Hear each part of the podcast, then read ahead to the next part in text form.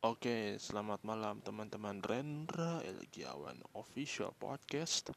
Kembali lagi sama gua LG di ya rutin-rutin lah dengar mbak kita main podcast podcastan itu kan ya cari-cari hobi gitu kan ya. Um, kemarin gua ngomongin tentang TikTok ya, TikTok tentang dampaknya seperti apa gitu kan ya kepada kita kita para penggunanya. Nah sekarang gua mau sedikit nih ya sedikit menceritakan sosok musisi favorit gue. Bukan cuma favorit gue tapi favorit semua orang. Favorit dari setiap generasi. Memang musisi musisi yang satu ini tuh sudah meninggal sejak tahun 1994 dan banyak yang sangat menyayangkan sekali gitu kan ya. Kenapa doi ini meninggal ketika uh, berada di puncak keter ketenarannya gitu kan. Dan memang memang kalau menurut do doi sendiri di antara do menurut doi sendiri si musisi ini bahwa di atas apa namanya udah apa namanya di, dikenal banyak orang itu malah membuatnya tenggelam Siapakah dia? Ya jelas adalah Kurt Cobain. Lahir pada tanggal bulan Februari tanggal 20 tanggal 20 Februari tahun 1967 dari seorang pasangan Wendy Cobain dan Donald Cobain. Sebetulnya Kurt ini emang uh, jenius banget sih kalau menurut gue gitu kan ya mungkin kalau dari masa anak-anaknya mungkin gua gua gua uh, uh, merasa bahwa sejak dini udah jadi anak broken home gitu kan tapi bukan berarti pas masih bayi enggak gitu kan tapi kalau masih bayi mah kan masih dalam pas lucu-lucunya kan gitu kan ya. Kalau orang ngomongin Kurt Cobain pasti identiknya dengan ya udah ngobrolin aja Nirvana sekalian gitu kan.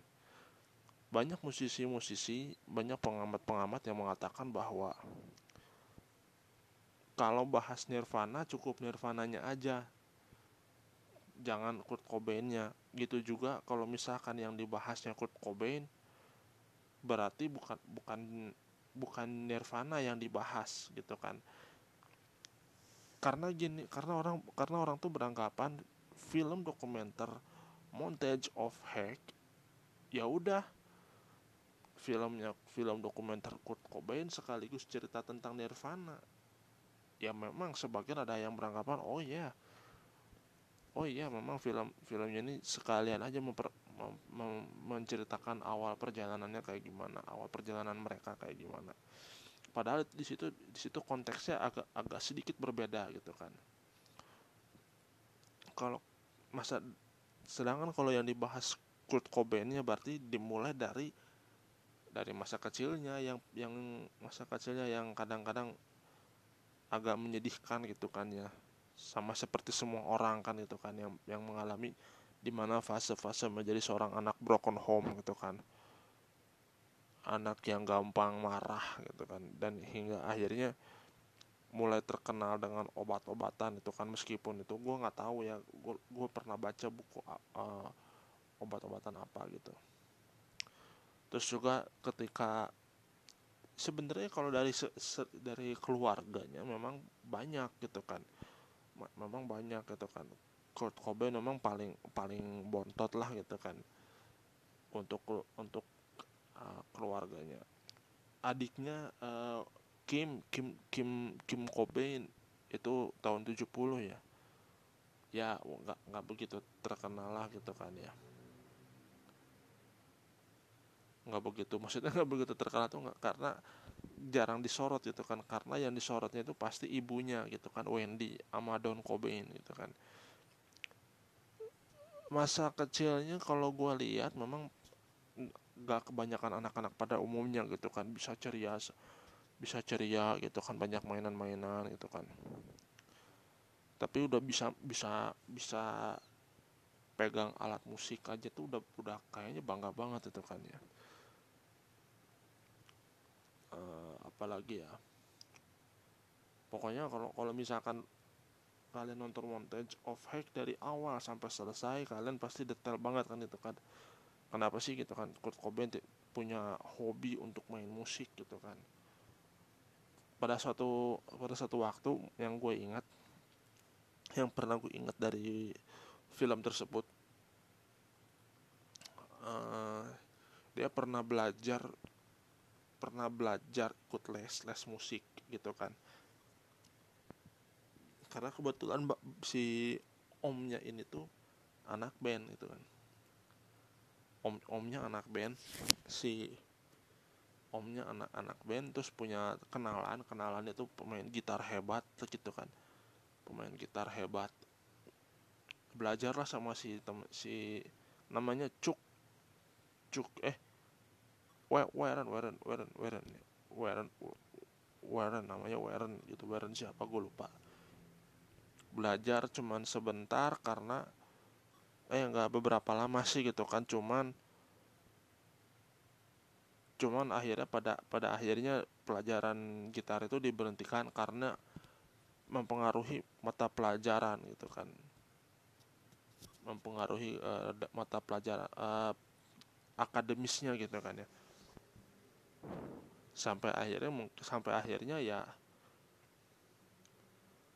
uh, dia mulai berkenalan dengan teman khayalannya gitu kan yang kita kenal dengan bodah gitu kan. Bodah cu bodah nah mungkin orang tuh nggak orang tuh nggak anggap ini orang kenapa sih gitu kan punya teman khayalan gitu kan.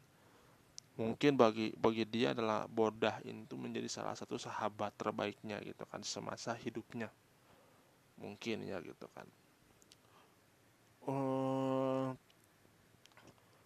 kalau soal pendidikannya memang ya dia memang tidak se se buruk anak anak-anak lain itu kan ya putus sekolah gitu kan tapi enggak tapi daya imajinasinya bisa kuat banget gitu kan. Bahkan pas pas dia tinggal sama kakeknya pas dia tinggal sama dia, dia tinggal sama kakeknya dia nonton dia nonton kartun. Nonton eh dia suka kartun. Tapi begitu dia menggambarkan kartun buat buat sebuah tokoh kartun. Itu itu kata itu hasil gambarnya tuh di, bisa dibilang jiplak. Padahal karyanya tuh hampir sama gitu kan. Apa hasil gambar gambar si tokoh kartunnya tuh bener-bener kayak mirip banget gitu kan. Bisa dibilang kalau Kurt Cobain ini tuh eh, bukan cuma seorang musisi tapi mungkin dulunya nih animator gitu kan. Tapi kalau sekarang kan animator animator kan mulai terkenalnya kan karena tek teknologi kan gitu kan ya. Kalau sekarang kalau jam kalau zaman dulu juga kan waktu awal-awal uh, muncul-munculnya komik-komik kayak gitu kan kalau komik-komik Amerika mungkin udah udah dari tahun 60-an ya gitu kan. Kalau komik-komik Jepang itu kan pertengahan 80 kan gitu kan dengan munculnya Dragon, Ball, Doctor Slump gitu kan ada uh, Dragon Boy gitu kan. Ada detektif Conan yang tahun 96 gitu kan. Terus juga sebelum meninggal katanya dia sempat bikin lagu untuk uh, Ren and Stimpy gitu kan cuman katanya ditolak gitu kan nggak tahu kenapa gitu kan. Nah uh, apa ya? Kalau ngomongin kalau ngomongin musiknya musiknya musiknya gitu kan ya. Sebenarnya uh, apa namanya uh, suka musik suka musiknya tuh suka musik musik keras kan gitu kan ya. Dan sering dengerin lagu-lagu keras gitu kan. Sebetulnya bukan cuma lagu-lagu keras lagu-lagu klasik mungkin juga udah dia sering dengar gitu kan. Makanya makanya ketika umur 18 gitu kan umur 18 ya kalau nggak salah dia bentuk sebuah band yang menjadi cekal bakalnya Nirvana. Dia bisa kenal sama Chris Novoselic sahabat dari awal Nirvana dibentuk sampai akhirnya mening sampai akhirnya bubar kan gitu kan. Nah itu di situ lagu lagu lagunya memang banyak banget itu kan banyak yang lagu yang apa namanya yang bisa dibilang nggak terlalu terkenal tapi enak didengar gitu kan kayak Spank Through kayak Downer. Terus juga gue sempet denger lagu-lagunya uh, di album dulu dulu albumnya itu dulu band itu band tanpa nama namanya Vical Matter tanpa nama. Dan nama Nirvana itu tahun 87 kalau nggak salah. 87 atau 88 87 kayaknya itu itu butuh perjuangan yang nggak nggak nggak gampang buat buat bikin band tuh. Apalagi kayak Nirvana begini kan itu kan. Kalau kalau gue inget Kurt Cobain tuh kalau kalau nggak salah dia nyari nyari personel lewat majalah lewat majalah majalah Amerika lah gitu kan. Gue, gue lupa majalah majalahnya apa surat kabarnya surat kabar apa gitu di sini gue nggak akan bahas tentang detail tentang keluarganya tentang tentang masa kecilnya yang penuh broken home gitu kan. Yang penting gue di sini cuma bahas uh, sedikit tentang sedikit tentang apa namanya tentang kesuksesannya di sukses, eh, kesuksesannya dalam bermusik gitu kan dan bisa menjadi inspirasi banyak orang. Nah sebetulnya perjuangan dia ngeband itu memang sama kayak band-band lain itu kan. Cuman kan ya kalau kalau lu nggak punya duit kan nggak punya modal kan bingung juga kan lu bingung juga kan lu lu mau mau ngapain itu kan. Bahkan yang gue yang gue inget Koben Kurt itu sempat nyambi gitu nyambi nyambi apa namanya nyambi nyambi kerja sambil apa namanya cuci kolam renang gitu. Yang gue ingat aja gitu kan nah, habis nyambi nyambi nyambi apa namanya nyambi kerja sampingan lah buat hidup hidup sehari-hari tinggal sama bibinya gitu kan tinggal karena kan karena kan dia kan tinggal di 10 keluarga di 10 tempat yang berbeda gitu kan. Gila kata sebelum akhirnya ngebentuk band Nirvana gitu kan. Setelah Nirvana Nirvana terbentuk um, banyaklah manggung-manggung kecil-kecilan dulu kan itu kan ya. Nah itu makanya orang tuh orang tuh beranggapan ya udah cerita tentang Kurt Cobain kenapa nggak sekalian aja menirvananya mungkin kalau kalau di Indonesia mah ya udahlah gas aja lah gitu kan. Yang penting ya yang penting cerita Kurt Cobainnya dapat terus sejarah sejarah singkatnya Nirvana juga dapat lah gitu kan ya nah kalau gue nih setangkepnya gue aja gitu kan karena gue bukan ahli biografinya Kurt Cobain. Karena kan pas gue baca tuh di apa namanya di buku biografinya di di buku autobiografinya tuh si penulisnya kalau nggak salah udah melakukan beberapa wawancara beberapa wawancara terhadap teman-temannya gitu kan. Nah itu kayak kayak kemarin kan gue bilang gitu kan itu butuh waktu yang lama kalau mau bikin kalau mau bikin buku biografi gitu kan. Oke sekalian ini aja deh sekalian kalau misalkan teman-teman pengen oh ini pengen terobsesi pengen jadi seorang Kurt Cobain. Nah caranya gimana? Caranya teman-teman mesti berusaha. Bukan berarti gini oh gue pengen kayak Kurt Cobain. Bukan berarti ketika lu lu udah terkenal di mana-mana lu bunuh diri. Itu salah. Itu salah salah jalan tirulah fashionnya dia. Fashion boleh celana sobek rambut boleh uh, bondol. Eh enggak deh. Rambut gondrong lah kalau bondol tuh cewek banget itu kan. Karena kan Kurt Cobain kan identiknya kan rambut gondrong kan itu kan. Rambut gondrong gitu kan uh, agak bondol dikit lah gitu kan. Terus juga kalau kalau tiap manggung tuh nggak pernah pakai sepatu pantofel pakai pakai converse. Dan berharap dan kalaupun seandainya Cobain masih hidup sampai sekarang mungkin dia mau jadi juri X Factor, American Idol atau uh, juri juri tamu The Voice mungkin. Dia tetap dandanan boleh lah gitu kan dandanan boleh bolehlah rada-rada glowing gitu kan tapi bawahannya tetap converse gitu kan. Bener tetap bawahan tetap converse gitu kan. Sedangkan di Indonesia boro-boro boro-boro atasannya doang rapi gitu kan. Sepatu pantofel untuk acara-acara khusus. Ya iyalah demi rating. Oke uh, kembali lagi ke Kurt Cobain. Begitu Nirvana Nirvana uh, eh bukan Nirvana ya begitu. Kurt Cobain kenal sama Chris Novoselic sama-sama punya uh, musikalitas yang yang kuat gitu kan. Sama-sama suka black musik black metal gitu kan black flag gitu kan ya. Sampai akhirnya begitu Nirvana udah dikenal banyak uh, orang gitu kan dikenal di daerah Seattle gitu kan Seattle Montesano. Karena kan Kurt ini kan selain selain sama Chris Novoselic dia juga punya uh, teman-teman yang punya link musiknya luas gitu kan kayak uh, Buzz Osborne kayak dari The Melvins gitu kan. Terus juga sama Kim Gordon dari Sonic Youth gitu kan. Kalau Kim Gordon kalau kalau kenal sama Sonic Youth itu mungkin pas uh, mau mau rilisnya Nevermind kali ya gitu kan. Tapi dari 90 juga udah udah rada kenal gitu kita udah tur ke beberapa tempat rekaman rekaman rekaman lagu Love Buzz dan dan perlu yang teman-teman ingat.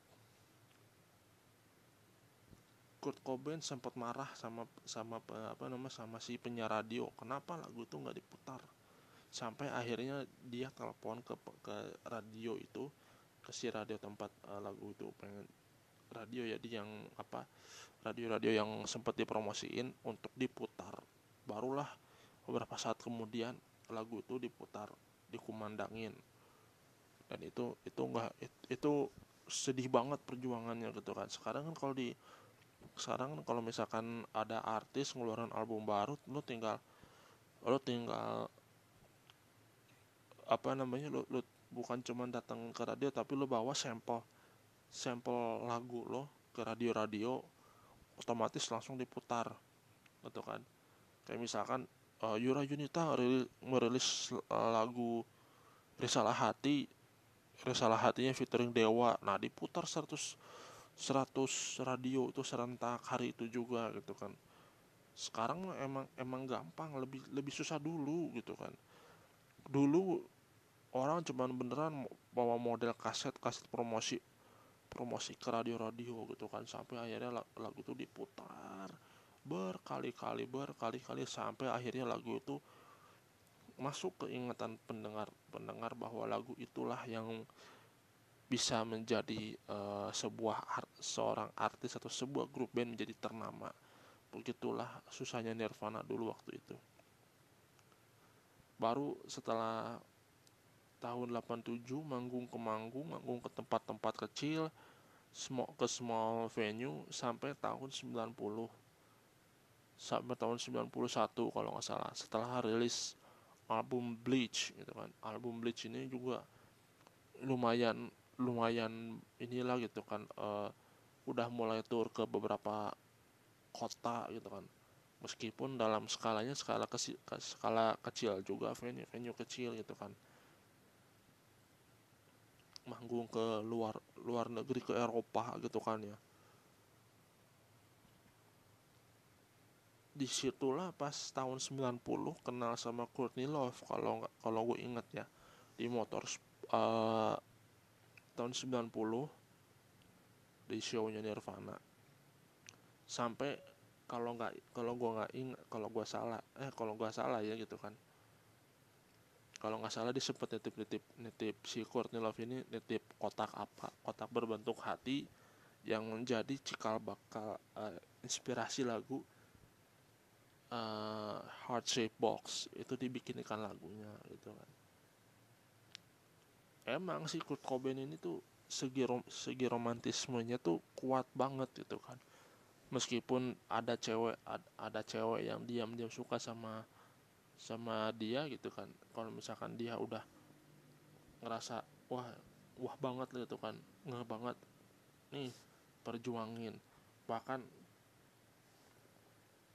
bahkan bahkan kalau nggak salah yang gue baca si Courtney Love ini pernah nitip nitip apa gitu ke biar nitip sesuatu nitip barang apa pun gitu kan biar si Kurt yang ngambil ternyata road manajernya Nirvana yang ngambil dibalikin gitu kan. Anjing sakit banget. Nah di di saat apa namanya udah udah gitu lama kan lama nggak ketemu lah nggak nggak nggak ngobrol segala macam. Perkena karena kan perkenalan ini emang unik banget itu kan.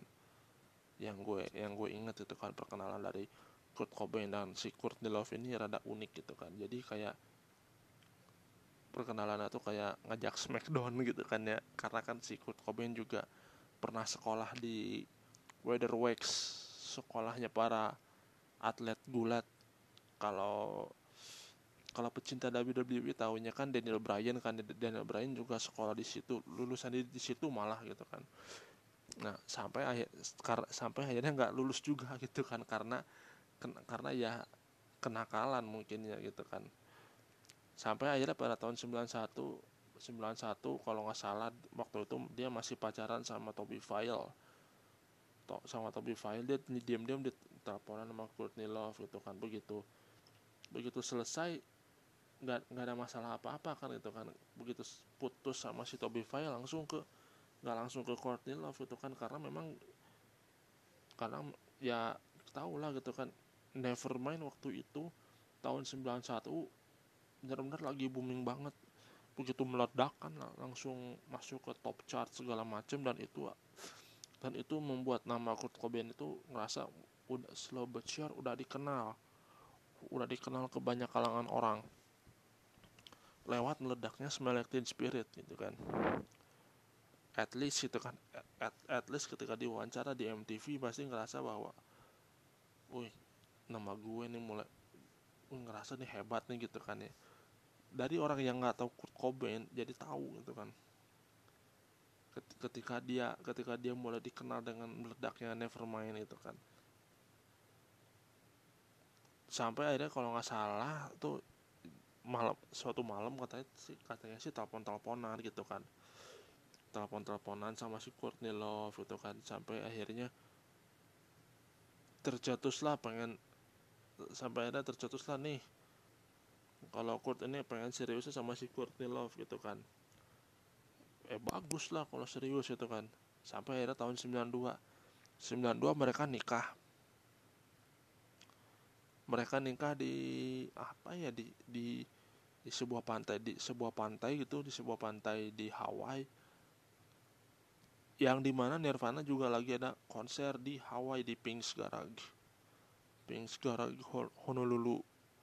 Nah di situ di situ nah di situ permasalahannya mulai lagi gitu kan. Kurt Kurt Kurtnya makin aktif lah make narkoba gitu kan. Gimana Courtney Love juga lagi parah-parahnya gitu kan lagi hamil gitu kan lagi hamil si Frances lagi hamil sama si Frances malah dia malah apa namanya malah malah make narkoba gitu kan gila kan. Emang keluarga mereka ini tuh pada gila banget. Gue gue liat emang gila banget. Keluarga pangrok kalau kalau kata mereka sendiri emang emang mereka mah didefinisikan sebagai pangrok. Meskipun orang-orang menganggapnya Kurt Cobain eh, is grunge. Padahal Kurt, Kurt Cobain sendiri menulis eh bukan menulis sih jadi pernah pakai baju grunge, grunge is dead. Grunge, grunge is dead. Ketika di sebuah konser ada yang kocak nih. Kurt Cobain was dead. Ada yang bilang gitu. Dia santai. Dead? Yes I'm dead. Yes I'm dead. Dia santai aja. Nggak nggak nggak nggak nggak tersinggung sama sekali gitu kan. Nggak tersinggung gitu. Sampai sampai itu wawancara di di ini ya di di di apa sih namanya itu di konser di Ros di apa ya di di Finlandia kalau nggak salah Finlandia tahun 92 gitu kalau nggak salah ya. Di konser konser di Finlandia begitu. Dead? Yes I'm dead. I'm too aspiring as well anjing. Itu tahun 92 tuh konser Eropanya tuh bener-bener kayak ngerasa bahwa ini Nirvana udah mulai nih main keliling-keliling Eropa awal-awal pertengahan 292 gitu kan. Karena sebelumnya kan awal 92 nya kan Januari main ke Asia Australia sama Asia Jepang. Bahkan ketika gue cek di Nirvana Guide Tour Nirvana Tour Guide itu sempat uh, dicantumkan Singapura. Singapura. Tapi gue nggak tahu. Tapi gue nggak tahu kenapa dibatalkannya gitu kan. Tapi gue nggak tahu kenapa dibatalkannya gitu kan. Belum belum baca lagi gitu kan. Nah sampai akhirnya pada pada saat si Courtney Love hampir eh udah melahirkan Frances yang sekarang makin cantik tapi rada urakan gitu kan. Baru Nirvana tour lagi gitu kan. Tour lagi yang paling yang kita kenal di Reading Festival. Di di di Reading Festival 1992 tapi sebelumnya di Reading Festival juga pernah tahun 91 yang tangan si Kurt Cobain ini patah kan gitu nah di tahun 92 juga ada sebuah konfrontasi antara Kurt Cobain sama Axel Rose. Itu berawal dari berawal dari uh, tawaran Axel Rose untuk Nirvana. Ya kita tahu gitu kan Axel Axel ini kan eh, um, ketika lu ketika teman-teman nonton video Don't Cry ada ada si Axel pakai topi Nirvana kan pakai topi Nirvana di ketika di adegan adegan salah satu adegan video klip Don't Cry itu ada topi Nirvana di situ. Nah, padahal niat niatnya EXO sebenarnya baik, cuma ditolak mentah-mentah. Karena ya katanya sih main melodinya menyedihkan gitu kan. Karena ya kita tahu lah gitu kan kalau Kurt ini dia diam-diam suka menghina grup musik lain itu kan yang membuat orang tersinggung. Puncaknya apa? Excel marah. Axel tersinggung bener. Bener tersinggung. Di MTV 992 si Dave Grohl bilang si Dave Grohl sempat manggil Hi Axel Hi Axel where's Axel Hi Axel Hi Axel Hi Axel nah itu yang jadi ikonik sampai ke, sampai sampai ketika orang tuh orang-orang kalau ngundang Dave Grohl pasti yang ditanyanya apa apa nih yang masih lo inget tentang kejadian beberapa waktu lalu? Pasti pasti dia jawabnya gue inget ketika gue manggil EXO di salah satu di acara MTV waktu itu Nirvana abis la, abis main satu lagu Chris Novoselic banting kena bass dan gue panggil EXO Rose. Nah itu orang-orang ketika ketika ditanya lagi uh, momen-momen apa yang paling gila selama barang Nirvana terutama barang Kurt Cobain itu kan ya. Di sisi lain juga Kurt Cobain ini orangnya juga rada rada segan ya gitu kan terhadap Dave Grohl gitu kan. Um, apa dia agak dia mulai suka lagu-lagunya Dave Grohl itu kan ketika nulis beberapa lagu. Salah satunya adalah lagu-lagunya lagu-lagu Marigold yang memang awalnya ditulis Dave Grohl itu tahun tahun 90 terus direkam bareng Nirvana. Direkam bareng Nirvana gitu kan. Jadi beberapa tahun setelahnya begitu Nirvana udah bubar dinyanyiin lagi sama Foo Fighters gitu kan. Terus ada juga lagu yang emang Kurt Cobain suka banget nih sama lagunya nih lagu salah satu lagunya Foo Fighters gitu kan yang ditulis nah kata si Dave si Kurt ini nyium gue. Sampai nyium cium gue. Karena lagunya ini enak banget gitu katanya. Nah abis itu habis itu gue lupa lagi. Karena itu karena itu ceritanya ada di si uh, ceritanya Dave Grohl sendiri gitu kan. Karena gue nggak nangkep sama sekali gitu kan ya. Uh, barulah pada saat tahun 92 ketika ketika udah punya rumah sendiri gitu kan. Ini tingkah-tingkah anehnya anehnya Kurt sama Courtney Love ini benar-benar kayak ngerasa ini orang gila banget itu kan ya. Ngutang ngutang ting ngutang di apartemen ngutang tinggal di apartemen itu kan pakai nama Excel Rose gitu kan. Aneh memang gitu kan. Sampai akhirnya sampai sampai akhirnya ada gosip mengatakan bahwa Courtney Love ini kena KDRT sama Kurt Cobain. Sampai akhir sam, tahun 93 ya itu kan ya. Ya memang Kurt ini kan ot otaknya kadang kadang kadang turun itu kan kadang keras kadang gimana kan itu ya. Ya gue mah sebagai penikmat karya-karyanya ngerasa bahwa tetap jadi jenius gitu kan. Jenius itu kan semua orang bisa terinspirasi sama dia gitu kan. Bisa bisa menginspirasi dia gitu kan. Nah puncaknya ketika ketika dia meninggal dia dia meninggal semua orang tuh baru baru baru merasakan bahwa oh iya oh ini yang namanya Kurt Cobain itu kan. Itu itu kalau seorang itu di luar di luar di luar Amerika gitu kan ya tapi kalau di Seattle mah pasti udah pasti ngerasa ketika Kurt Cobain meninggal ngerasa kehilangan gitu kan. Kehilangan sosok idola yang bisa merubah warna musik yang tadinya monoton sampai akhirnya muncul musik-musik gen musik-musik uh, uh, apa namanya gener generation X lah gitu kan ya. Pengaruh Kurt Cobain terhadap uh, musisi-musisi setelahnya generasi setelahnya ya pastinya ya pastinya ada yang ngerasa bahwa lagu-lagunya dia cenderung biasa aja gitu kan nggak ada yang spesial. Iya gitu kan. Kalau orang kalau orang yang nggak begitu suka musik rock juga beranggapan ya udahlah lagunya lagunya dia kesannya berisik gitu kan ya. Ya namanya juga kan musik rock kan gitu kan ya alternatif. Kalau orang udah suka musik rock pastinya ngerasa bahwa ini dibalik teriak-teriaknya nggak jelas pasti ada makna tersiratnya di sini gitu kan. Ada makna di balik lagu lagu-lagunya Kurt Cobain ini gitu kan.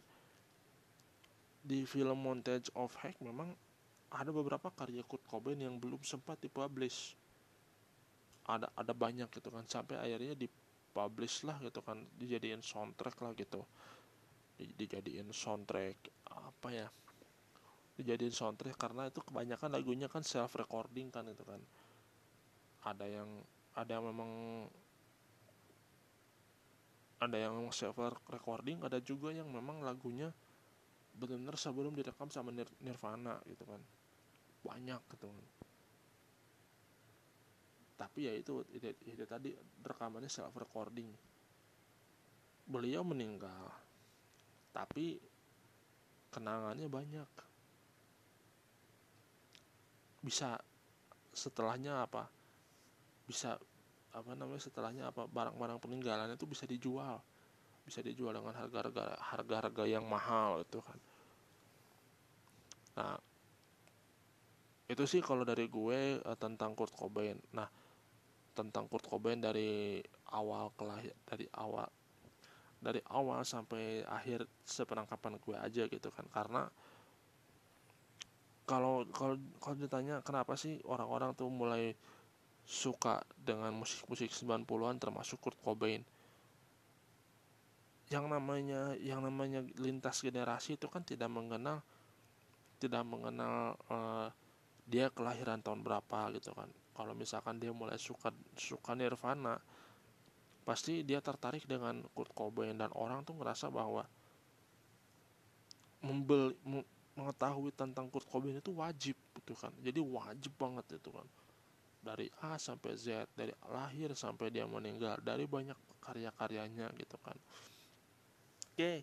uh, udah, udah udah dulu dari dari gue tentang Kurt Cobain ini walaupun nggak panjang-panjang amat. Yang penting bisa menjadi uh, referensi teman-teman kalau misalkan suka musik 90-an ya teman-teman dengar dengarlah Nirvana. Tapi kalau teman-teman pengen pengen uh, nonton uh, nonton dokumenternya teman-teman bisa nonton Montage of, of Hack di internet juga ada banyak kok di Netflix di Indo XX1 juga di mana pun gitu kan udah ada.